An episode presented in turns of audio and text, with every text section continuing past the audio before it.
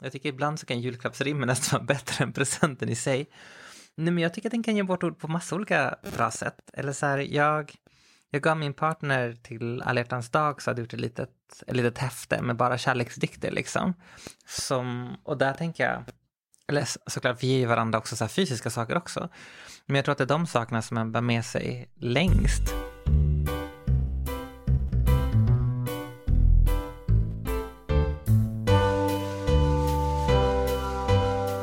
Hej och varmt välkommen till Vit jul, en podcast från Junis som tycker att alla barn har rätt till en rolig och trygg jul fri från alkohol. Idag ska ni få möta Jolanda Aurora Bom, spoken word-artist, poet och transaktivist. Hon säger att det är mycket bättre att berusa sig med ord istället för med droger. Och dessutom tipsar hon om en massa smarta och superbilliga sätt att ge bort vackra, roliga och kanske lite knasiga ord i julklapp. Jag som gör podden heter Hillevi Wahl och är journalist och författare. Några av julfrågorna till Jolanda kommer direkt från barn och ungdomar som har varit på Junis Trolleboläger.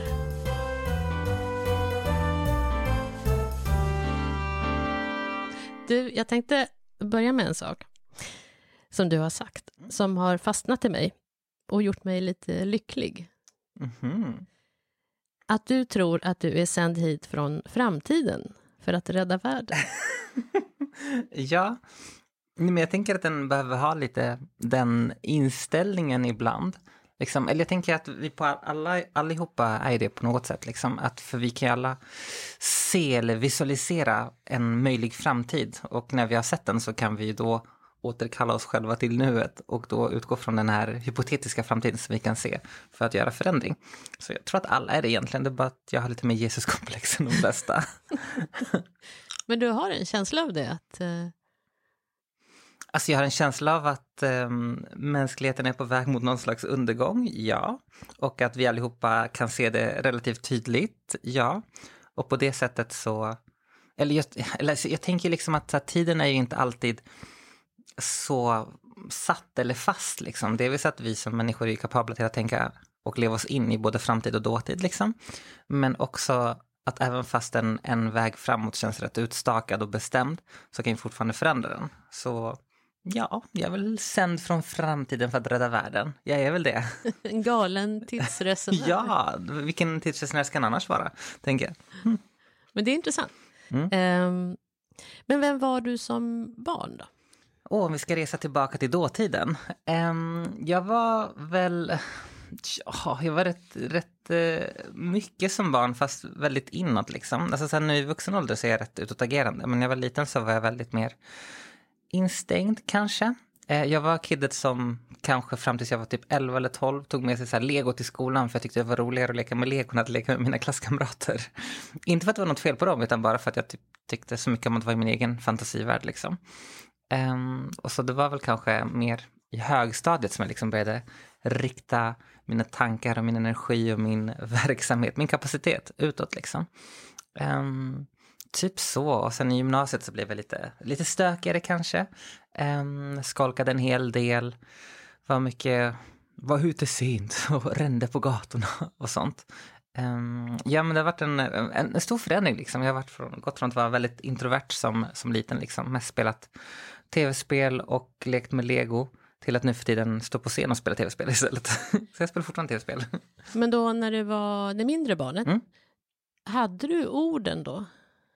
Mm, för... Um, ja, du menar rent konst, konstnärligt? Ja, men tänkte, läste du eller skrev? Ja, jag läste väldigt mycket som, som liten. Um, jag... Uh, eller jag, läste, jag lärde mig läsa på spanska först, för det är min familjsspråk. Eh, Eh, så jag lärde mig läsa kanske när jag var fem, tror jag. Och sen kom vi tillbaka till Sverige efter att ha varit i Chile och då kunde jag inte läsa på svenska. Så då försökte jag uttala liksom alla svenska ord som om de vore spanska ord, vilket inte funkade. Typ om man ska uttala hej på spanska, då blir det eh, liksom. Så jag var jätteförvirrad. Um, men jag började skriva kanske när jag var men åtta där någonstans tror jag. Först så började det med liksom att jag tyckte om att skriva ner låttexter som jag hörde. Att bara, för då fanns det typ inte sådana här hemsidor där en kunde kolla upp olika låttexter. Så då satt jag bara och skrev ner dem och samlade dem på min dator liksom. Och sen så som sagt jag spelade eh, mycket tv-spel. Så jag tyckte om att göra fanfiction av eh, utifrån de olika spelen jag spelade, framförallt eh, Final Fantasy 7. Så då skrev jag om berättelserna, stoppade in mig själv eller mina syskon i den och eh, äventyrade på det sättet också. Så det var väl där det började och sen kanske i mellanstadieåldern tror jag, kanske började skriva typ haikus och sen i högstadieåldern började skriva typ hiphop-texter som jag aldrig spelade in eller läste upp för någon. och, sen, och sen var det egentligen typ i, i vuxen ålder som jag började hålla på mer med spoken word och uppträda egentligen. Men dina föräldrar var läkare? Ja. Hade, alltså, tror du att du fick språket från dem? Ja, alltså de var väl inte, eller sen när de kom till Sverige, som det är ofta, så får de inte jobba som sitt yrke såklart, så de fick inte vara läkare i Sverige. Eh, så de jobbade inom vården eller inom eh, industrin eh, på olika sätt. Men, men de var ju båda väldigt eh, inne i kulturen, typ. Ehm, mamma är väldigt inne i, i poesin framförallt och i litteraturen och min andra förälder var väldigt inne i folkmusik framförallt. Så då kom ju, ju det ner till mig och mina syskon är båda musiker. Så det kommer där någonstans ifrån och speciellt från min mamma tror jag. Liksom. Och min mammas sida av släkten har också så en, en, stark eh, religiös tradition. Så därifrån finns det ju också det här hela med att helga ordet, liksom, att ordet skapar världen och ordet får världen att bli till. Liksom. Så det finns en helhet kring själva ordet som går i familjen. I vilket sammanhang växte du upp då? Jag växte upp i, i södra Stockholm, i Skogås framförallt. Eller jag är född i Växjö, men sen flyttade vi upp till, till Stockholm med hela familjen. Så först växte jag upp i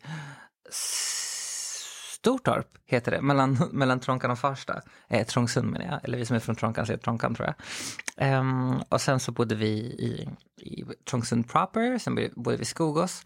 Och där bodde jag tills jag var 20 någonting, 3, 24.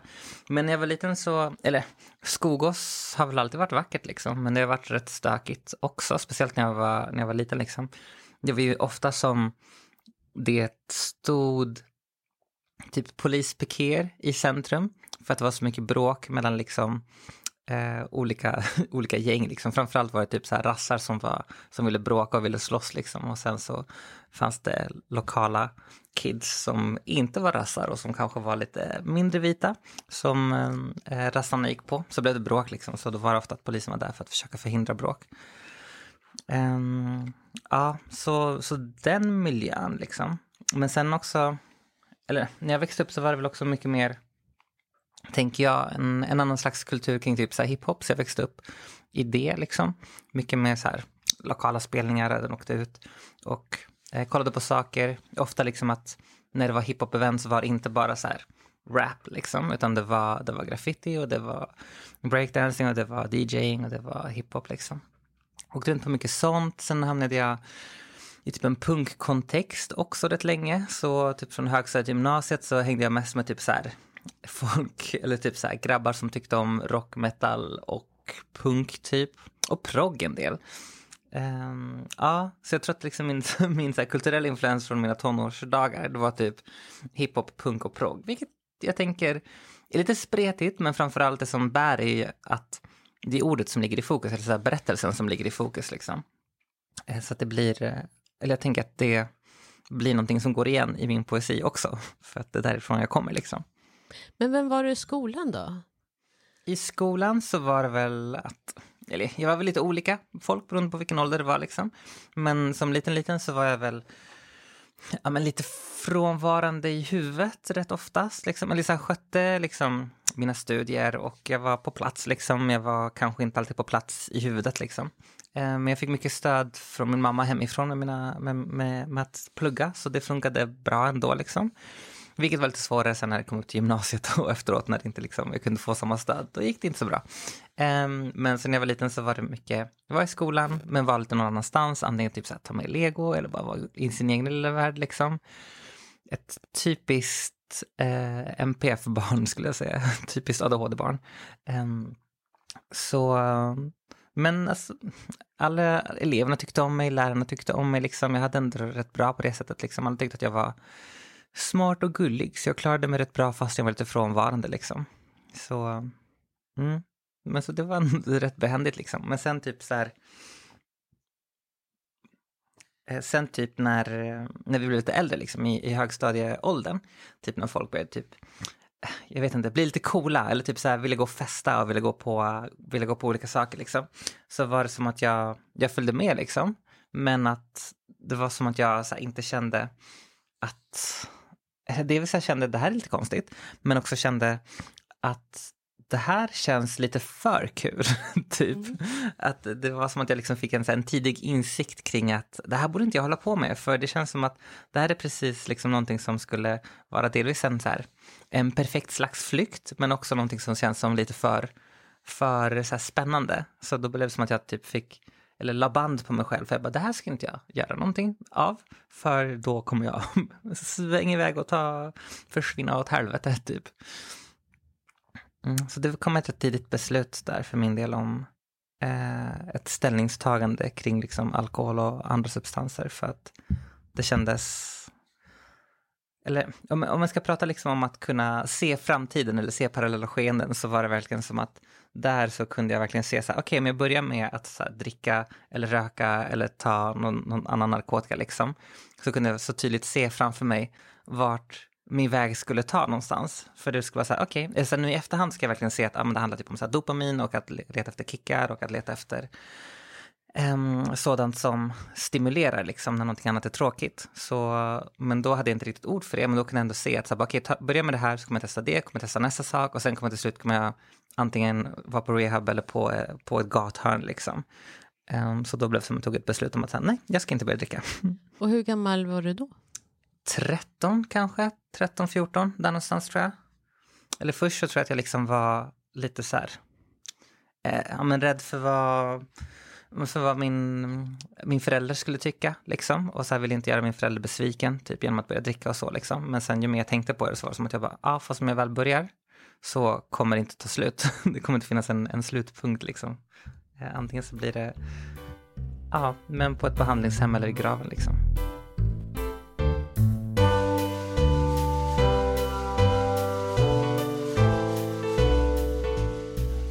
Hej, jag heter Hilda, 11 år och är på Trollbolägret. Jag skulle vilja fråga om, eh, om du blev avundsjuk när dina vänner fick dyrare och mer julklappar än dig? Ja, definitivt. Det hände ungefär varje jul. Nej, men min familj hade inte så, så mycket pengar när jag växte upp. Så vi fick ju alltid inte de senaste sakerna eller mindre saker, färre saker, billigare saker. Så jag det minns jag väldigt starkt, att jag var avis ja, men så gott som varje jul.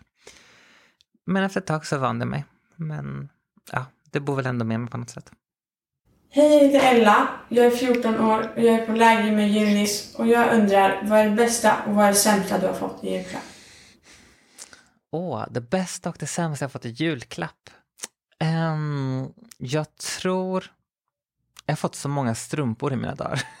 jag vet inte om det är det bästa eller sämsta. Det är inte så jätteroligt, men det är väldigt praktiskt. Ja, när jag var liten så hade min ena bror ett, ett Playstation som var chippat, det vill säga att den kunde spela spel som, var, som inte kom från Europa eh, och så här, eh, olagliga spel. Eh, så, så på jularna så köpte min, min bror spel hem. Och så var det en jul när jag fick ett spel som heter Final Fantasy Tactics som är typ ett av mina favoritspel än idag som jag fick kanske 97 eller 98. Och så fort jag tänker på liksom en bra jul så minns jag den julen när jag öppnade det spelet och sen bara satt och spelade hela dagen och glömde bort allting annat. Um, så det kan nog vara en av de bästa presenterna jag fått tror jag. Och det kanske säger en del om mig.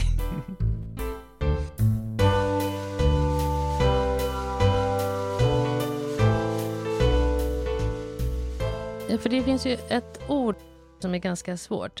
Eh, dysmorfofobi.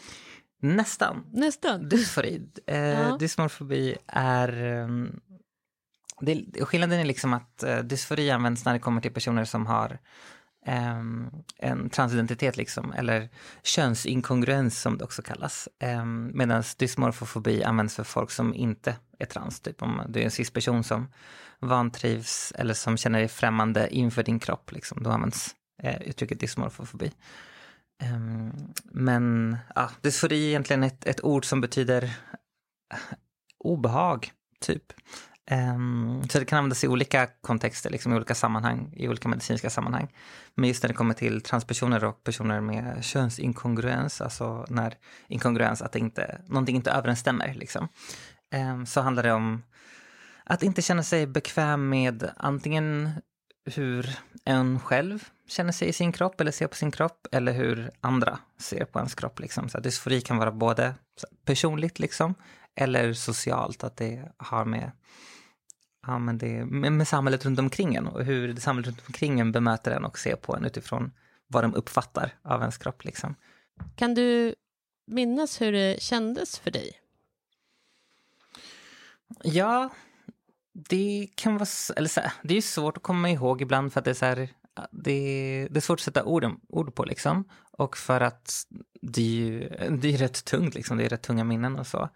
Men det handlar väl om att inte känna sig, inte känna sig hemma, typ i sig själv på, på, på något sätt. Jag, jag kan tröttna lite på den här liknelsen vid att vara född i fel kropp. Det känns ju väldigt som att, den, som att den försöker förstå någonting men missar målet lite. Det känns som att en är ju född i, i sin kropp, vilket är en rätt kropp, fast det kanske finns någonting som inte överensstämmer med den. Liksom.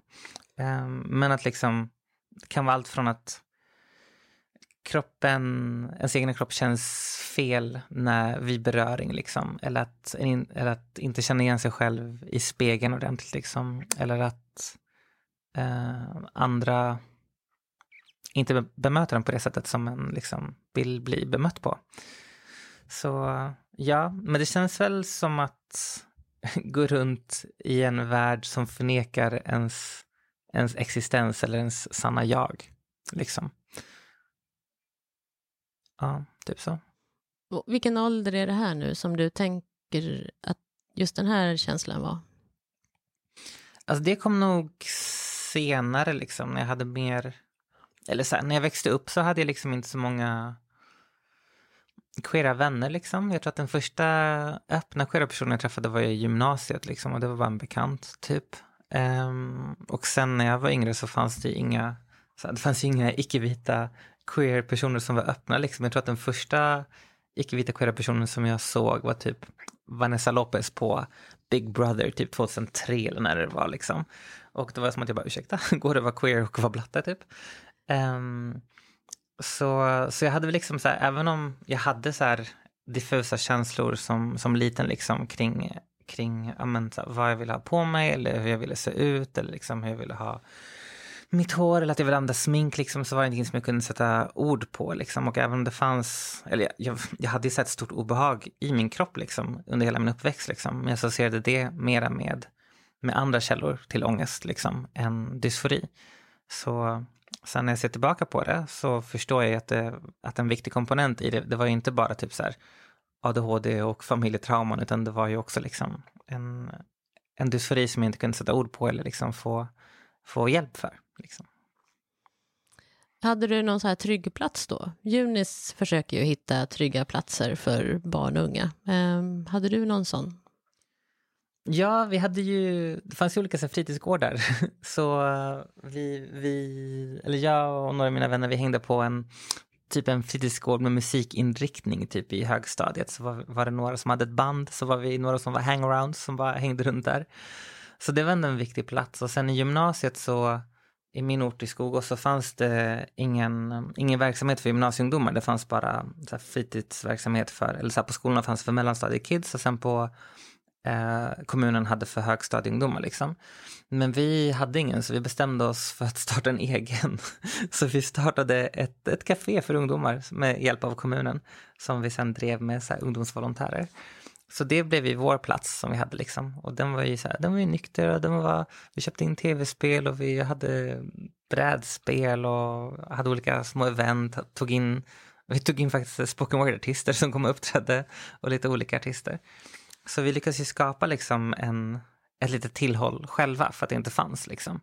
Eh, som tur var. Men, men då var det väl också typ att, eller jag själv kände inte till liksom IOGT, NTO eller så här, nykterhetsrörelsen. Jag hade träffat, ja men den här queer personen, jag träffade en queer person. Den första queer personen jag träffade var i gymnasiet. Och det var också en nykter person, faktiskt. Eh, så, så det var väl därigenom som jag blev bekant med att det fanns en så här, nykterhetsrörelse och blev medbjuden men sen så krockade det för att jag hade så mycket eh, så många åtaganden. Jag hade delvis många åtaganden och delvis mycket ångest i gymnasiet så jag kunde inte riktigt komma och hälsa på. Vilket jag så här i efterhand känner att det kanske hade varit liksom en, en riktningsändring i livet. Liksom. Jag kanske hade fått ett annat sammanhang där. Liksom. Så jag önskar att jag hade tagit emot den öppna handen som sträckte sig ut till mig och gått dit. Liksom. Men det blev helt okej ändå.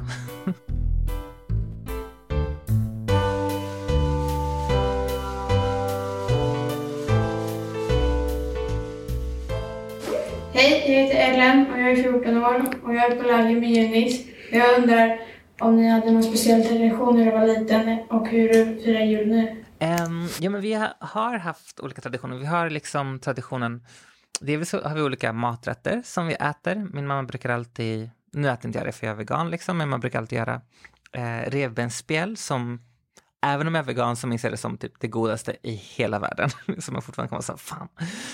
Um, och Eh, så gör min, eh, vi i familjen gör också en, en slags potatissallad som är en rysk sallad som vi äter varje, på varje högtid.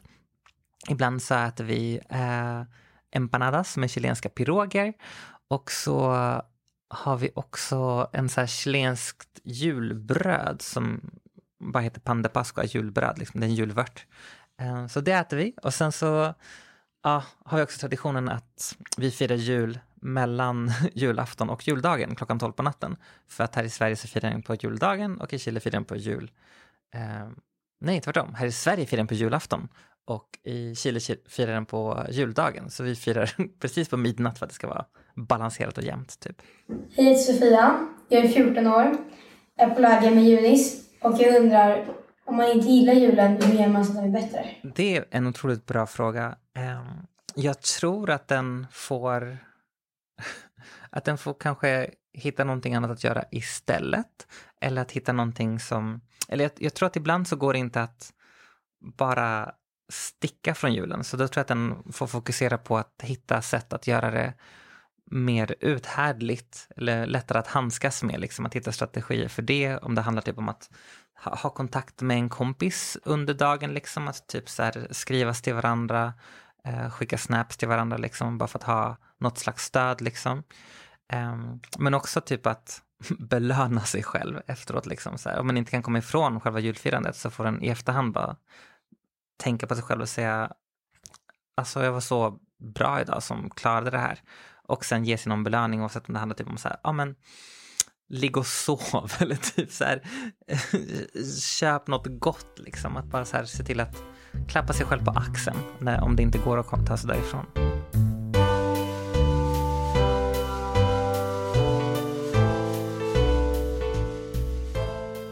Du, jag tänkte på ja. det här med berusning då. Um, kan man berusa sig med ord, tänkte jag. Åh, definitivt. Um, jag ser liksom, eller för min del så handlar det liksom ord väldigt mycket om, om en lek, liksom. Om att få igång eh, fantasin och få igång eh, lekfullheten och dopaminet och bara liksom bli glad och hög på, på kreativiteten. Liksom. Um, och jag, jag, tycker det kan finnas i allt, oavsett om det handlar om att typ höra två ord som låter lite lika liksom, eller att det finns ett ord som har ett så här annorlunda ljud, eller om det finns, eller om man kommer på så här allitterationer eller rim, eller vad som helst. Och bara liksom i den kreativa processen så känner jag att jag bara kan bli så alldeles upprymd. Liksom, och bara så här, det här ordet, det här rimmet, det är helt fantastiskt. Som typ nu senast så, jag håller på att skriva, jag håller på att skriva en dikt om civil olydnad. Och då tänkte jag på, ah, men vad vill jag att ska finnas med här? Och och då så var ett av, eller det rimmet som jag kom på som jag bara sa, okej okay, det här är bärande för den, vad det nu kommer bli. Jag vet inte ens vad det ska vara för rad, men jag bara det här rimmet är så bra. Är eh, straffskala och stamtavla. Och jag bara, det här är så bra, det säger allting i det här. Och då var jag typ så här lyrisk i flera minuter efter att ha kommit på det. Liksom. Så ja, definitivt. Jag, jag tror att jag liksom så här, eller jag tror att det finns många människor som kanske känner ett behov av att, av att få ett rus liksom. Ehm, och då använder substanser. Men jag tror att den kan hitta det på så många andra platser liksom. Och för min del, jag typ har tävlat mycket typ i både typ um, poesi och tv-spel liksom. Och det är ju värsta kicken att vara i tävlingar liksom. Jag klättrar och det är också väldigt så här adrenalinfyllt. Och att stå på scen som sagt, det är ju, det är ju bara pumpar adrenalin och dopamin liksom. Så jag tror att det finns så många andra platser att få sina kickar från som är mer praktiska, tror jag. Och lite roligare. Men kommer du ihåg första gången du stod på scen och liksom blev sådär berusad? Ja, alltså jag var dönervös. Jag hade liksom min eh, scendebut, eller två olika liksom. Så min första scendebut var kanske när jag var i, kanske i nian eller ettan. Och då så var, hade jag åkt iväg på en, en grej som kallas för URIX, ungdomsriksdagen, som var typ som ett stort läger för ungdomar som var intresserade av politik, liksom, oavsett om det var organisationer eller partier eller så. Och då så skulle, hade vi olika grupper, så skulle vi ha olika så redovisningar, så skulle vi vara på scen typ och prata om vad vi hade gjort. Och vi, vår grupp bestämde sig för att göra lite teater typ. Eh, och då var vi var väl kanske så 500 pers eller någonting som var liksom i publiken. Och så skulle vi så här, oh, visa upp vår, vår lilla teater som var en sammanfattning av vårt, vad vårt utskott hade gjort. Eh, och då skulle jag spela Göran Persson. Eh, så det var min första, det var min konstnärliga debut tror jag, att spela Göran Persson inför 500 pers och leka med mina glasögon och bara så, ja, jag är, vad är det han säger, jag är, eh, jag är, jag är stolt men jag är inte nöjd. typ något sånt. Eh, så det var väl det första, men sen eh, min ordentliga uh, scendebut var väl typ när jag var 21 kanske. Och jag skulle framföra en text på Kulturhuset som jag hade skrivit till en Eh, en ungdomswebbtidning typ som Kulturhuset hade, som hette Lavaland.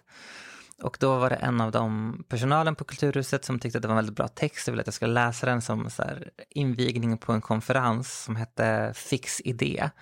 Um, och då var det som att jag bara, men vadå, vill att jag ska läsa den här texten? Det är ju bara liksom en krönika typ. Bara, ja men den är jättebra, den är på rim. Om du bara skriver om den lite så kommer den funka jättebra på scen. Och jag bara okej. Okay. Och sen så kom dagen, jag var jättenervös, jag hade långkjol på mig för att det inte skulle synas att jag skakade på knäna.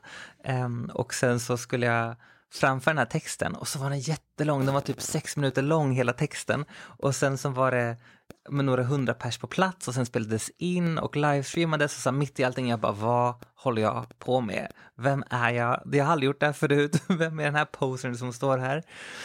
Men det gick bra, folk var fett nöjda och sen typ kom det fram folk efteråt och bara sa det här var så bra, jag skulle vilja höra det här varje morgon för att kunna få kicka igång dagen. Och så kom det fram någon typ veckan efter och bara på stan bara, var inte du som läste den här texten? Jag bara, ja det var jag. Typ. Så jag tror att det var egentligen mina två olika debuter liksom i olika åldrar. Mm. Men det är ju väldigt många som är rädda för att stå på scen. Eh, men som förmodligen har väldigt mycket att säga.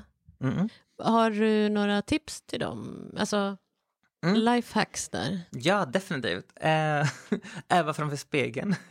Eh, även fast det känns otroligt töntigt att öva själv så är det jätteviktigt.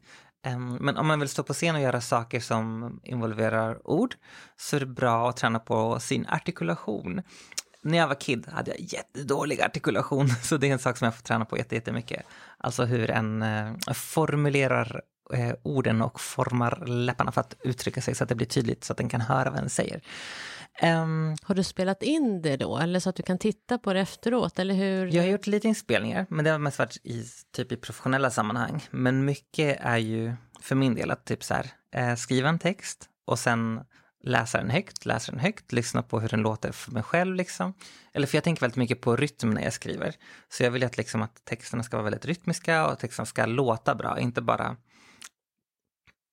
att de inte bara ska säga någonting smart utan att de också ska låta skönt, att det ska ljuda. Att det ska liksom vara ja, men en skön konst för öronen också. Så ja, men träna mycket och framförallt tror jag att hitta ett sammanhang liksom. Att det är viktigt att ha andra människor som gör det. Liksom, det finns ju så här en, en myt kring det ensamma geniet eller det ensamma författaren som sitter på rummet och skriver. Liksom. Men jag tror inte på det. Jag tror att vi liksom människor är ju kollektiva varelser. Vi lever i så sammanhang och i en flock liksom. Men framförallt att allt som en skapar har ju någon slags utgångspunkt i vad någon annan har gjort innan. Det är inte som att vi är små öar som åker runt på havet utan vi är ju liksom ja, beroende av alla som kom, kom före oss. Så jag tror att det, på det sättet så är det också viktigt att göra sig, ja, men kanske inte beroende, men göra sig tillgänglig för de som finns samtidigt som oss. Eh, för det är de som kan lära oss mest och vi kan lära dem mest. Och jag tror att det är väldigt viktigt, både typ att ta sig tiden för att hitta andra människor som håller på med det som håller på med, att öva jättemycket. Och sen också så här att, att våga kasta sig ut i rymden liksom. Tänk dig att du är en liten så här rymdhund som balalaika, nej, Laika bara heter den. Eh, och bara kasta sig ut och bara våga, våga göra nya saker och våga misslyckas. Det är typ det läskigaste, att misslyckas, men att våga göra det. Och nästan ibland typ försätta sig själv i situationer där en där det är stor sannolikhet att den misslyckas, tror jag är viktigt. Liksom. En kan ju inte så vinna allting, en kan ju inte så komma på första plats, en kan ju inte så få varje bok publicerad. Den måste ju så lära sig att lära sig motgångar. Och det har jag haft väldigt svårt för, att handskas med motgångar. Um, men... Vad har du hittat din flock då? Från... Um, men det har varit olika i olika perioder. Från uh, början så tror jag att det var genom andra som ungdomar som var politiskt aktiva när jag var yngre. Um, för att det var det som var liksom, eller jag tror att alla på något sätt hittar en, en flykt från sin tillvaro liksom, eller, en, eller en, ett fordon som tar dem dit den vill att den ska vara liksom.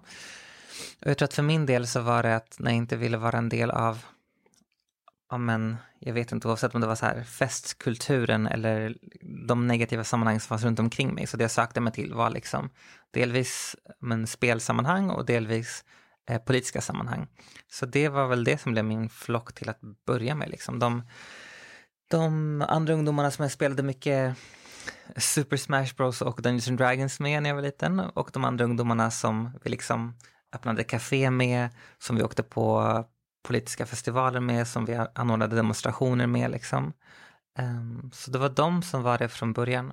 Så jag började väl inte så skriva i ett sammanhang ordentligt förrän ja, jag var ja, men, över 20 i alla fall. Och då hittade jag sammanhanget som var poetry slam eller så här tävlingspoesi-sammanhang. Så här, poetry slam är när den tävlar i spoken word, alltså scenpoesi, Um, och så är det publiken som får avgöra vem som vinner, typ, som får, um, på slump så är det olika personer i publiken som får olika häften med betyg i, så får de sätta betyg på dem i, i tävlingen. Och när jag hittade fram till det sammanhanget, då var det liksom en sporre, delvis att det var en tävling, delvis att stå på scen, men också att det fanns andra som gjorde samma sak. Och då kunde en lära sig av varandra och lära varandra och på det sättet hjälpa varandra framåt. Och det var otroligt viktigt i min litterära utveckling om man säger så.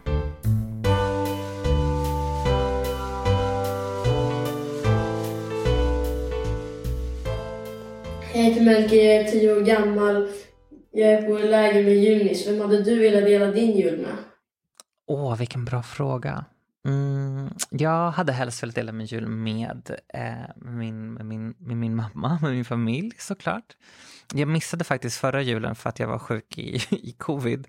Eh, och det var första julen sedan jag föddes som inte var min mamma. Det var jättekonstigt. Eh, så jag längtar att fira jul med min mamma. Jag vill fira jul med min partner. Och så har jag några vänner som har, som har barn. Och de vill också hänga med på jul, för det skulle vara så otroligt fint att bara få jag vet inte, jag tänker liksom också att som oroligt barn så tyckte att det kunde vara jobbigt med högtider. Liksom. Så jag skulle vilja som tryggare vuxen kunna liksom hänga med mina vänners barn och bara ge en trygg miljö. Liksom. Det skulle jag tycka var väldigt fint. Hej, jag heter Melike. Jag är nio år och jag är på Junisläger. Jag skulle vilja ställa en fråga att jag har slutat tro på jultomten för ett år sedan, men när slutade du tro på jultomten? Jag vet inte. Jag tror att jag minns en jul när det var en, eh, en granne, en kollega kanske till, min, till mina föräldrar som kom hem och var tomte och som hade en jätteful mask på sig. Så jag började gråta. Jag tror att jag var fem kanske. Jag började gråta gömde mig bakom soffan och vägrade komma fram på en timme tills den här tomten hade gått. Så jag tror att det kanske var då jag tappade förtroendet för tomten tror jag. Men, men jag vet inte, jag tror att jag fortsatte tro på tomten ett bra tag efter det. Men ah, nej, men jag var lite traumatiserad, lite väldigt skakad och ledsen av den incidenten.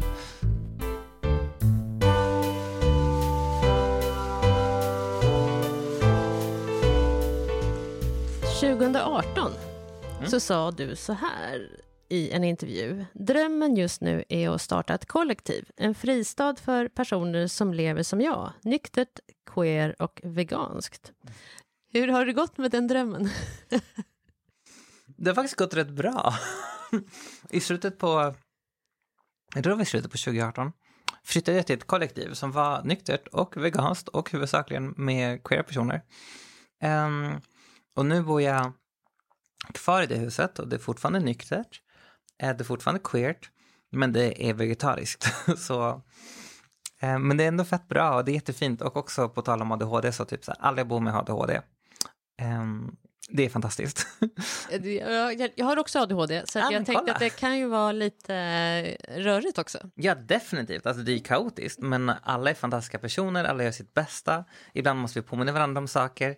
Men det finns någonting särskilt i att kunna se sig själv i andra, liksom, oavsett om det har att göra med en queer-identitet liksom, eller med en neuropsykiatrisk funktionsvariation som ADHD, eh, så är det bara men så fint att inte alltid behöva förklara sig, eller så fint att inte alltid behöva svara på frågor, eller så fint att bara kunna vara sig själv liksom. Så här, om någon zonar ut, det är 100% okej. Okay. Om någon behöver, om någon råkar prata för högt, det är helt okej. Okay. Om någon glömmer disken, det är bara påminna liksom.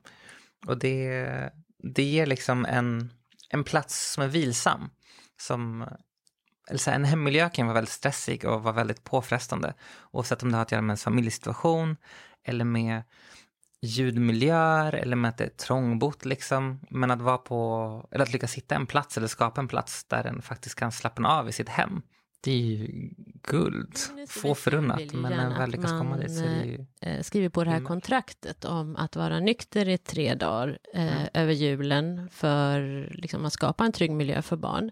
Nu vet jag inte om du lever med barn, men hur tänker du kring barn och jul och alkohol? Hur dömande får jag vara?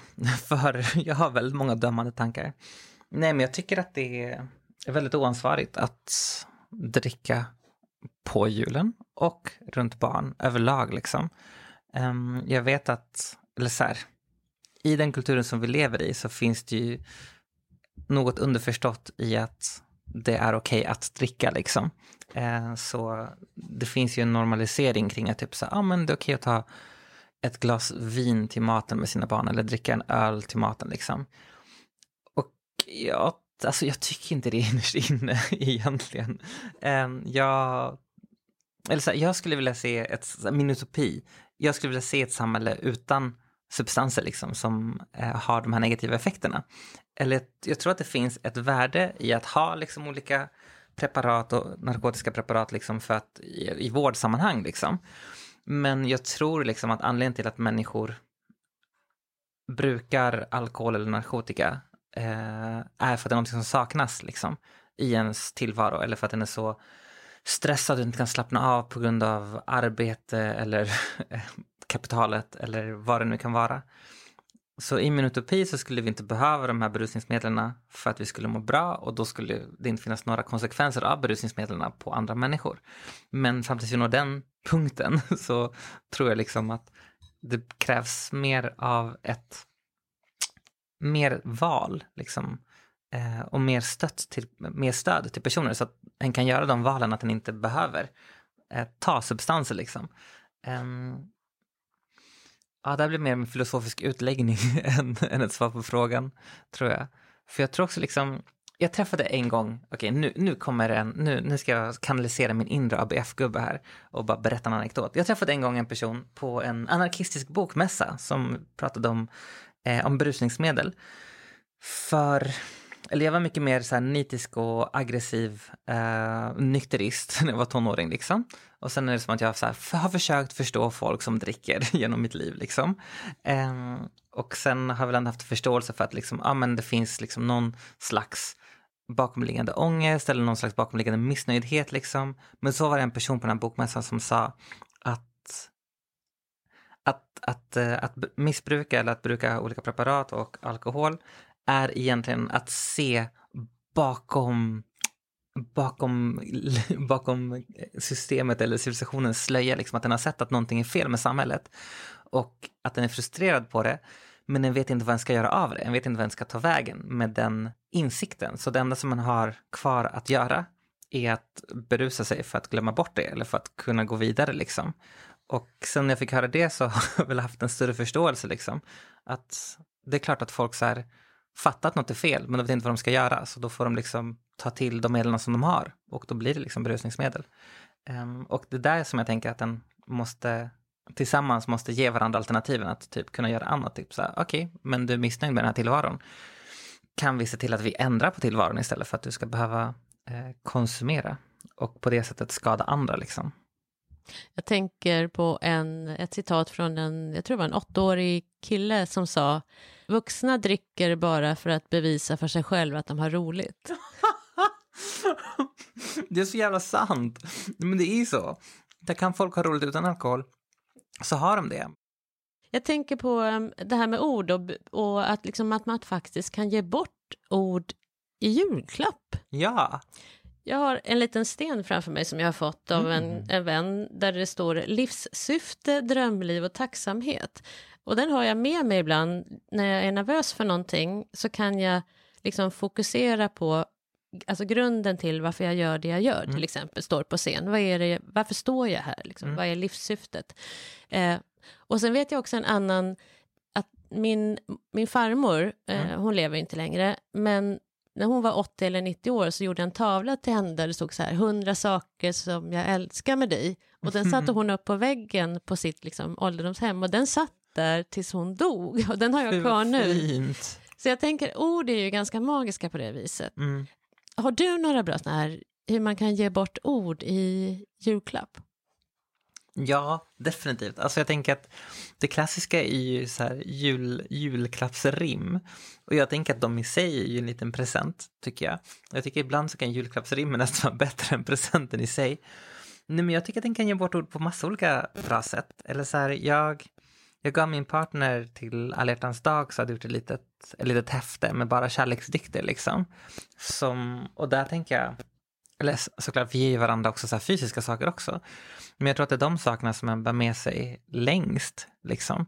Jag tror att det är någons ord, eller jag tror liksom att så här, med ord så kan en, ut, kan en, om en vågar kan en uttrycka en känsla som är svår att uttrycka med andra presenter. En kan komma närmare sin egen känsla och en kan komma närmare den relationen som man har till en annan person. Och det är det som är så värdefullt och det är det som man kan ta med sig och minnas bättre och bevara. Alltså, om man är en sån person som har typ så dagbok eller håller på med scrapbooking så kan man säga, ah, okej okay, jag fick det här kortet, lägga in, det är dokumenterat, arkiverat för, för evigt och det är en så sjukt fin grej. Sen kan skriva dikter, en kan skriva små låtsnuttar till folk, en kan skriva julklappsrim. Jag tänker att den också kan så här, röra sig bort från så här, vad en tänker med vad som är ord. En kan göra så här, inspelningar. En kan typ så här, men typ så här, spela in ett röstmemo på telefonen bara och typ så här, hallå jag vill ge dig en present som är vad jag känner för dig, bla bla bla bla bla bla bla bla och sen bara skicka det liksom, att det kan vara en present också. Det finns så många olika sätt den kan göra det på, en kan filma sig själv när den ger en hälsning liksom. Det finns, eller jag tänker att liksom, så länge som man hittar ett sätt för orden att nå mottagaren och kanske att spara sig en längre tid om man vill det, så kan ni liksom ge ord på så många olika sätt. Och det är väl det som gör det så fantastiskt som kreativt medium, eller som, som form. Att den kan omformas till så många olika saker. Smycken tänker jag också på. Ja, snälla! Det är så fint. Oavsett om man ger ett ord på en, en berlock eller ett ord på ett hänge eller liksom en symbol kan det också vara. Liksom. För vi har ju så många symboler som står för ord. Liksom. Om man tänker på... Men nu igår så kollade jag på tatueringar liksom. Eh, och då finns den här eh, klassiska tro, hopp och kärlek som den kristna symboliken som är ankare, kors och... Nej, kors, ankare och hjärta liksom. Alltså vi har så mycket symbolspråk i, i vår, vår medvetenhet liksom. Att det är lätt också att ge bort symboler som står för ord, som står för känslor, som står för en relation eller en, en eh, slags känslomässig intimitet liksom.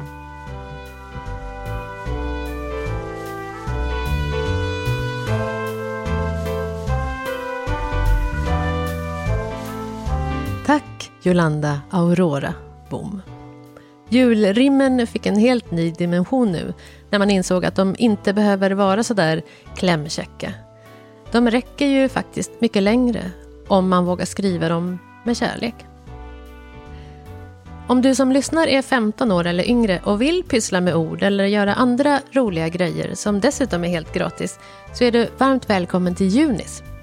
I år arrangerar Junis nära 250 trygga och nyktra julaktiviteter för barn och unga i hela landet. Surfa in på junis.se för att se vad som händer där just du bor. Ett stort tack till alla er som har lyssnat på Vit Jul. Och om ni gillade avsnittet så får ni jättegärna dela vidare. Vi hörs snart igen.